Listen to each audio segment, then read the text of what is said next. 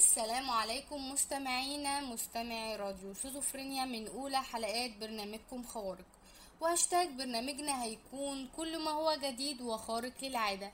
يعني مش كله عن العفاريت. وطبعا بما إنها الحلقة الأولى فحابة إنها تكون تعريف للبرنامج إنه هيتكلم عن كل ما هو خارق للعادة.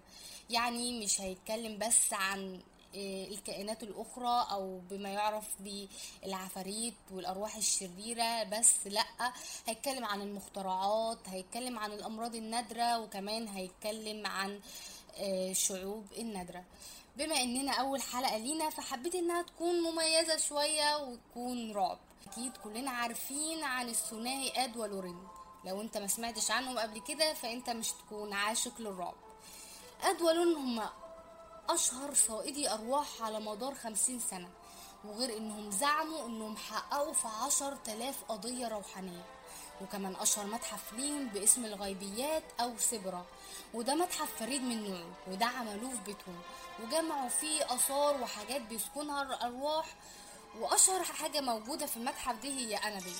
طبعا المتحف ده عملوه إن هم يجسدوا كل حاجة بيعملوها عشان يثبتوا فعلا إنه في حاجة اسمها أرواح شريرة. وطبعا ذكر كتير قوي عن المتحف ده إنه في ناس دخلوه وإن مكتوب على لفتة في المتحف إن الدخول على مسؤوليتك. يعني أنت اللي هتخش على كامل إرادتك ومسؤوليتك وهم مش مسؤول عن أي حاجة تحصل لك. يذكر يعني أو ناس بتتقاول أو بتقول إن يقال إن في واحد دخل للدمية انابل وحب إن هو آه، يقول إن دي مجرد دمية وإن المتحف ده أصلا مش موجود وإن دي مجرد لعبة حاطينها عشان يخوفوا بيها وإنه استهزأ ب- يعني إدى استهزاء للدمية.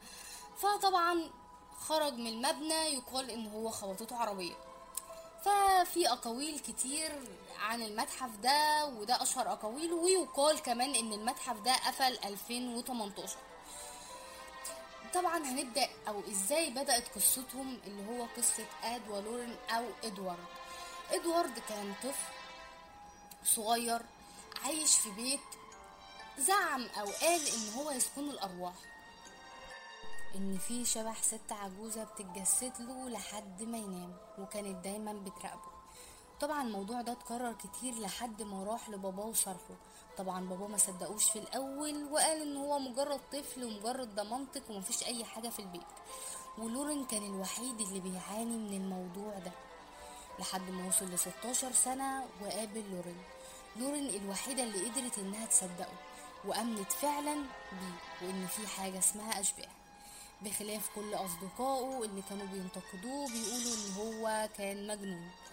لحد ما تطوع للبحرية الأمريكية وده كان في الحرب العالمية التانية وبعد ما خرج منها قدر إن هو يتجوز لورين وعمل كرسام في بداية حياته وكانت حياته دايما بجانب شغله كان دايما بيروح إن هو يكتشف أماكن للأرواح دي ويبتدي يتعامل معاها ويتواصل معاها لحد ما وصل لوقت معين وخد معاه لورين لمكان اكتشفت فيه فعلا قدرة لورين إنها تقدر تحس بالمكان ان كان فيه أرواح شريرة أو لأ. وبالفعل اكتشفت قدرتها وقدرت إنها دايما تكون معاه في كل أعماله لمدة خمسين سنة. خمسين سنة كان بيتعاملوا مع الأشباح ودي كانت شغلتهم. ساب كل أشغالهم وابتدوا يتجهوا للمهنة دي. وبالفعل أسسوا أول جمعية ودي كانت سنة عام 1952 كانت اسمها جمعية نيو إنجلاند للأبحاث النفسية. وطبعا كان بعد ما أسسوا الجمعية دي فضلت خمسين سنة لحد وفاتهم 2006 وطبعا أشهر حاجة في القصة دي أو أشهر قصة ليهم أو عامة اتعملت مسلسلات كتير أو أفلام سلسلة أفلام كتير ليهم. وكانت من أشهرها هي قصة أنابل قصة أنابل اللي ظهرت كانت بفضل ابنتهم جودي اللي قدرت إنها توصلها لأرض الواقع أو للطبيعة إنها فعلا تكون قصة أو تكون قصة مقتبسة إنهم يقتبسوا منها أفلام الرعب. طبعا قصة أنابل مين منا ما يعرفهاش. هي مجرد عروسة لعبة كانت في محل للأدوات المستعملة. مجرد أم حبت تجيب لبنتها أو يقال إنها ممرضة أو ممرضة في سكن الممرضات حبت تجيب لصاحبتها الدمية دي.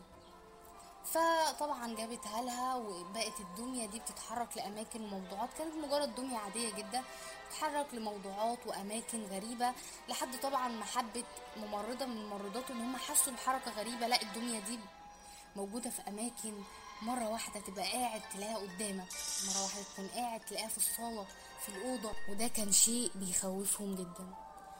لحد ما واحدة منهم قالت إنها عايزة تروح لطبيب نفساني تعرض عليه الموضوع ده وقال لما قعد معاهم إن أنا بالمجرد روح آه، بيسكنها روح عادي مسالمة آه، حست معاهم بالحنان. والموضوع كان أكبر من كده لأن ابتدوا يتعاملوا معاها كإنسان طبيعي معاهم يتكلموا معاه ويشاوروه. ويقعد معاهم. لكن الموضوع اتطور لأكبر من كده لحد ما الموضوع وصل لآد ولورين طبعا هما اللي وصلوا لهم وبالفعل آد ولورين عرفوا إنه مش مجرد روح بالعكس إنما كانت عايزة تستحوذ على جسد حد فيهم. أو يحتفظوا بيها في المتحف بتاعهم. كانت الفرامل بتتعطل بتاعه السيارة بتاعتهم. بيحصل مواقف غريبة وعجيبة وطريفة إن الفرامل كانت بت بتقف لحد ما جاب الماء المقدس ورشوا عليها فقدروا فعلا إن الفرامل ما وقفتش. طبعا قابلوا طبعا أصوات غريبة برضو لحد ما وصل إن هم حبسوها في صندوق أو حبسوها في المتحف وحطوها في موضع كانت برضو بتتحرك وبتروح للبيت. الناس اللي كانت قاعدة فيه وتلف حواليه.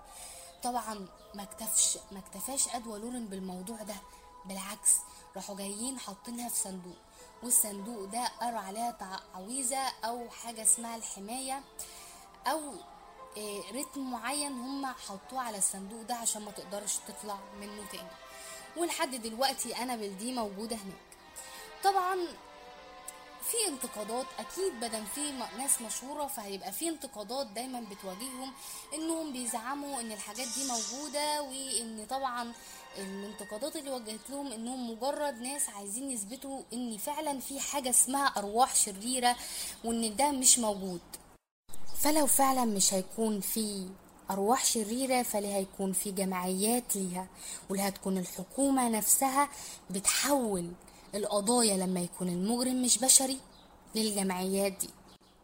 وبكده تكون انتهت حلقتنا ونشوفكم في حلقة جديدة بموضوع جديد وأكيد مش هيكون رعب. وكانت معاكم دينا عبد الله سعيد من برنامجكم شيزوفرينيا. نشوفكم في حلقة جديدة. مع السلامة.